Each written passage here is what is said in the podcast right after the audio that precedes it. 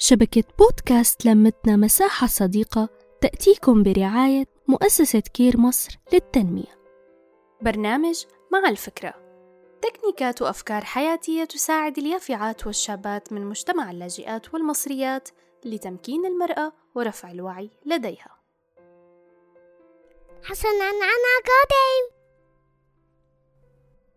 هيك كان ابني الصغير عم يلعب ويقول هو مجموعة من أصدقائه ركزت شوي بهي الجملة وخطر لي قديش خيال الأطفال خصب وجميل ومتميز الشاهد بهالقصة إنه كل شي بيمر لمدخلات الإنسان من مشهد أو قصة أو موقف فهو تحول لتاريخ بذاكرة الإنسان انطبع بدماغه وحلله واستخدمه بخياله والأهم إنه أكيد تعلم منه كان في مقولة بتقول بمعنى لو تجاهلت التاريخ قبل ولادتك فأنت ما تزال طفل طيب يا ترى ليش كتير أطفال بتكره التاريخ؟ هل بسبب الحصص المدرسية؟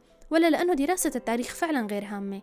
للأسف بنسبة كبيرة من المدرسين لكتير مواد مو بس للتاريخ بيكونوا سبب لكره الطلبة لهي المادة وخصوصا لو كانوا بمرحلة التأسيس. وهالشي بسبب قصور ونقص بتجديد أساليب الأعطاء لبعض المدرسين. هلا الحمد لله صار في كتير تدارك لهي المشكلة بكتير مدارس ومؤسسات. ودايما لازم ننظر للجانب المشرق وإنه في كتير أساتذة بيحببوا الطلبة بكل ثانية من الحصة بيعيشوا فيها قصص مختلفة. وهي كانت تجربتي أنا الشخصية مع مادة التاريخ بمختلف مراحل حياتي وخصوصا إني كنت عم أتلقى سير تاريخي معين ببلدي ولما أجيت على مصر تلقيت تاريخ وحضارة مختلفة تخص أهل مصر منذ الأزل. هالشي أضاف لإلي أشياء رائعة ما كنت بعرفها وحرفيا كنت أستمتع بكل قصة وبكل عبرة كنت أتلقاها من دروسي وأساتذتي وصار عندي الفضول لأعرف أكثر وأكثر بمجهود شخصي مني. تماما هون بيجي دور الأهل ليحببوا أطفالهم أيضا على القراءة والمطالعة والفضول نحو كل شي بالحياة. وخصوصا تاريخ الأمم اللي سبقونا.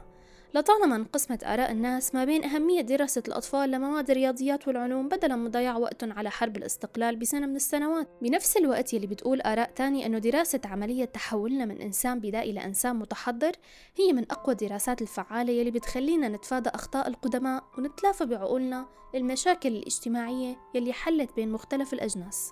وهون لازم ننوه لنقطة كتير مهمة وهي أنه أغلب الأحداث المثبتة تاريخيا بشكل غير مختلف عليه هي الأشياء يلي مضى عليها الزمن أكثر من الأحداث القريبة نسبيا. ومثل ما بيقولوا التاريخ يصنعه المنتصرون. هن يلي غيروا خارطة العالم وكانوا السبب باللي وصلت له البشرية اليوم. لهيك دراسة التاريخ للطلبة هي بعيدة كل البعد عن أنه تكون عبء أو شيء لا جدوى منه. وإنما دراسة هالمادة الرائعة والاستزادة منها بشكل شخصي هي نوع من أنواع الإدراك لقيمتنا الخاصة كبشر. وختاما للعبرة اللي بدأنا فيها حلقتنا منقول ما هي قيمة الحياة البشرية ما لم تنسجها سجلات التاريخ في حياة أسلافنا؟ كنت أنا معكم صفاء بطحيش ببرنامج مع الفكرة وشوية حب وسلام. نحكي نتشارك نتواصل.